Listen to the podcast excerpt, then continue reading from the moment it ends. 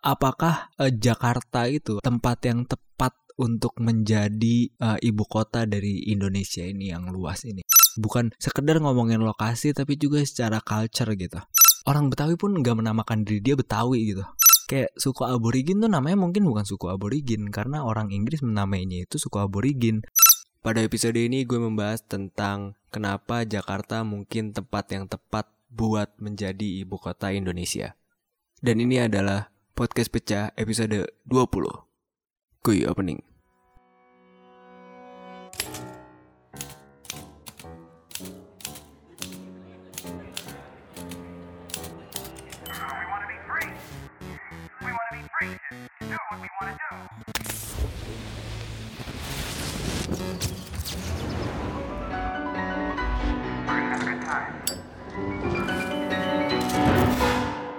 You're listening to Podcast Pecah.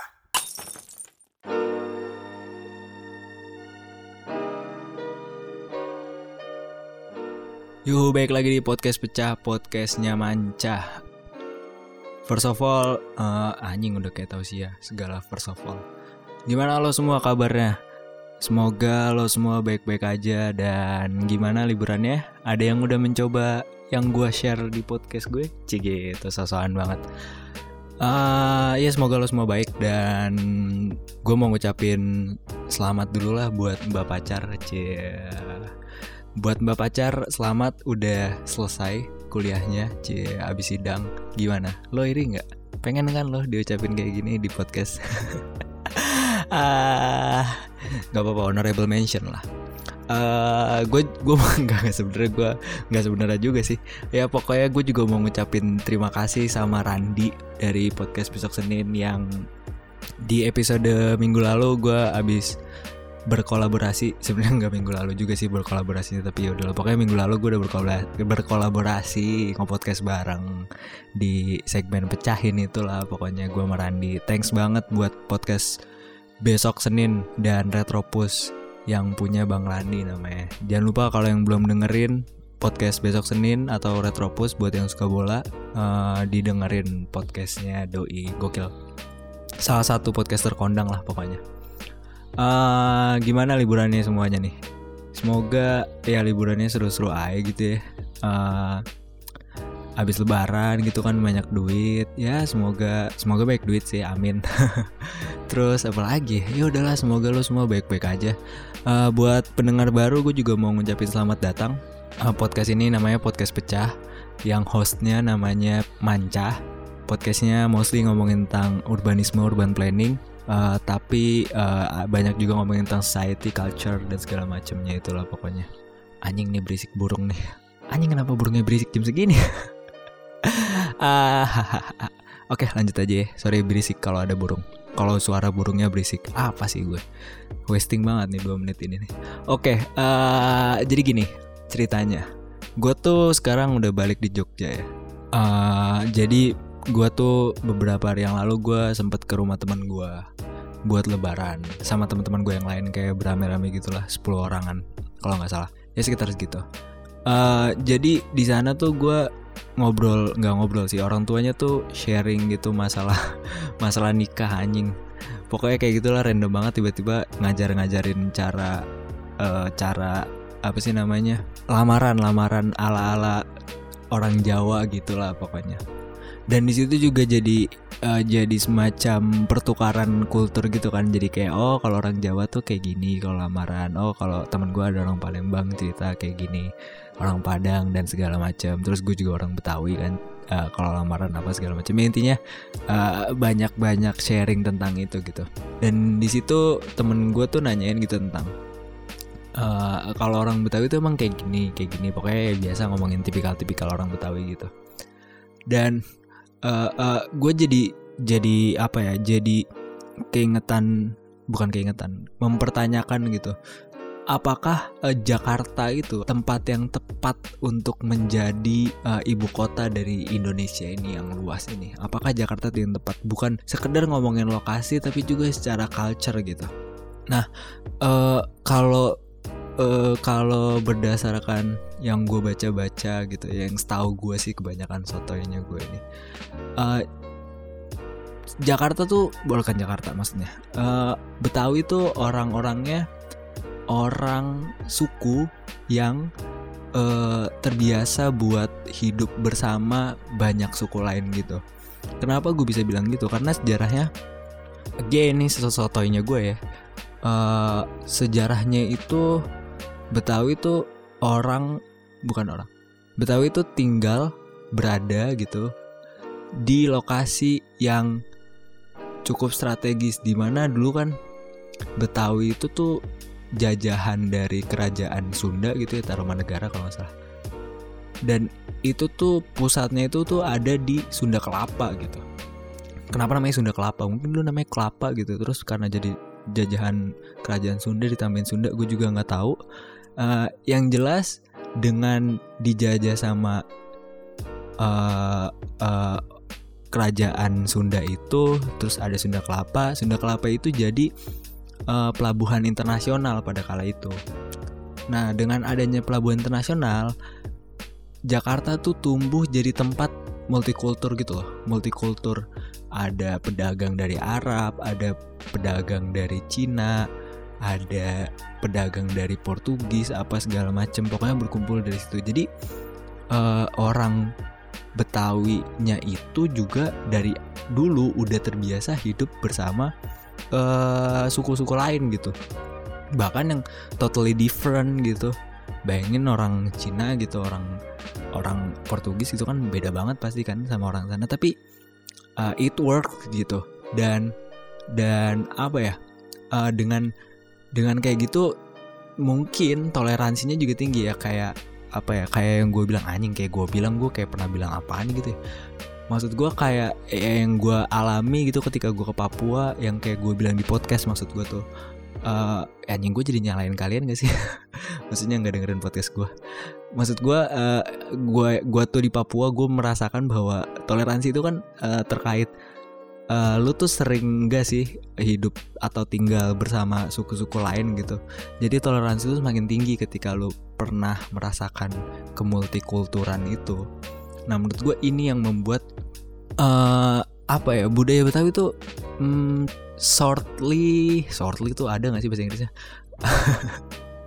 Maksud gue eh, secara sederhana simply bangsat lah lupa shortly apaan? Simply tuh eh, nggak jelas gitu. Maksudnya kayak OG-nya tuh di mana originalnya tuh di mana nih suku Betawi? Kebanyakan tuh budaya Betawi tuh budaya-budaya campuran gitu kayak batiknya Betawi tuh dari Solo cuman dimodif nggak cuma cuma nggak cuma juga sih. Pokoknya modifikasinya sedikit setahu gua. Terus juga kayak orang Betawi tuh kalau ngomong nih ngomong duit pasti ngomongnya goceng ceban itu kan bahasa-bahasa Cina gitu maksudnya orang-orang Cina yang bawa. Terus juga sangat Islam gitu sangat dekat sama budaya Islam karena ya banyak pedagang Muslim waktu itu dari dari Gujarat sana yang berdagang di daerah eh, Sunda Kelapa pada waktu itu. Jadi jadi itu yang membuat membuat apa ya membuat mungkin ya sotoynya gue membuat eh, budaya Betawi itu nggak OG gitu nggak kayak nggak kayak apa ya nggak kayak orang Jawa gitu yang mungkin eh, maksud gue suku Jawa gitu yang mungkin kayak ada ada sesuatu yang kayak dari galiannya mereka gitu loh kan budaya itu ekspresi ya jadi karena dia udah lama dan tidak tercampur dari budaya lain makanya OG banget tuh original banget tuh eh, kebudayaannya. Nah, kalau Betawi ini emang karena dari dulunya udah terbiasa buat buat apa ya buat ya bertemu orang berasimilasi budayanya makanya jadi kurang terasa gitu loh. Mau nggak? Ya pokoknya gitulah. Nah eh yang gua mau sampaikan adalah mungkin eh apa ya? Mungkin ini juga gitu yang membuat Jakarta tuh menjadi tempat yang tepat gitu. Secara kultural buat buat menjadi ibu kota Indonesia. Karena memang secara sejarah dan juga secara kultur udah biasa gitu. Sekarang gini dah orang Betawi yang jadi gubernur di Jakarta sih berapa sih dikit banget tuh. Masih orang-orang lain gitu kayak orang orang Betawi mana sih di Jakarta namanya gitu kasarnya ya gitu-gitu aja gitu banyak bu yang orang non Betawi yang bukan yang yang yang kasarannya yang berkuasa di Jakarta tapi bukan itu masalahnya. Mungkin karena orang Betawi juga udah udah biasa udah biasa ya udahlah lo ya terserah lo lah gitu kasarannya. Mungkin gitu ya soto aja nih gue interpretasi gue mungkin sangat salah jelas. Tapi ya ya sesotoi sotoinya gue sih gitu. Ya mungkin nggak tahu sih gue uh, cerita cerita aja nih. Uh, mungkin itu kenapa Jakarta bisa jadi ibu kota Indonesia dan sangat tepat ya. Mungkin kalau misalnya di suku yang punya uh, punya kebanggaan yang sangat tinggi itu susah gitu. Itu susah karena dia akan sulit gitu. Mungkin soto ini soto ya gain di si sotoy dan tanpa bukti uh, uh, nggak works gitu loh. Jadi dia mungkin rada berat gitu menerima orang dari suku lain walaupun uh, walaupun pada akhirnya mungkin akan berubah seiring berjalannya waktu tapi menurut menurut gue akan lebih lama. Sementara uh, ini tuh Indonesia gitu maksudnya negara dengan kultur yang sangat-sangat beragam gitu ya nggak? Ya gak? kayak gitulah pokoknya. Dan oh ya, dan uh, setahu gue nih kalau nama Betawi pun itu tuh bukan nama yang dinamakan oleh orang itu loh. Paham gak maksudnya? Orang Betawi pun nggak menamakan diri dia Betawi gitu. Orang Betawi itu dinamai karena orang-orang Sunda kayak tadi gue bilang kan. Anjing kayak tadi gue bilang lu gue ngomong uh, orang uh, Betawi itu daerah jajahan Sunda jadi uh, waktu Belanda datang kan ganti namanya tuh jadi Batavia. Nah orang Sunda tuh susah kan ngomong Batavia via Batavia mungkin jadinya. Terus uh, somehow berubah jadi nama Betawi. Dan dan setelah gue tahu itu tuh uh, jadi menarik gitu. Emang emang emang banyak banget gitu. Emang banyak banget nama suku atau nama apa pun gitu yang yang justru yang namain itu bukan orang situ gitu. Tahu gak sih? Kayak suku aborigin tuh namanya mungkin bukan suku aborigin. Karena orang Inggris menamainya itu suku aborigin. Uh, Amerika dinamain Amerika karena dinamakan oleh orang penjajahnya gitu. Dan mungkin banyak bukan cuman suku tempat-tempat pun banyak yang yang dinamakan bukan dengan orang situnya tapi dinamakan oleh orang yang datang ke situ. Di situ jadi menarik melihat bahwa uh, sometimes nama mungkin nggak nggak sementing itu tapi gimana perasaan keterkaitan terhadap itu yang jauh lebih penting. Kayak ya udahlah nama fuck lah apa pun namanya. Tapi uh, apa ya ya gue juga udah terikat gitu sama tempat ini atau suku ini. Kayak gitu sih.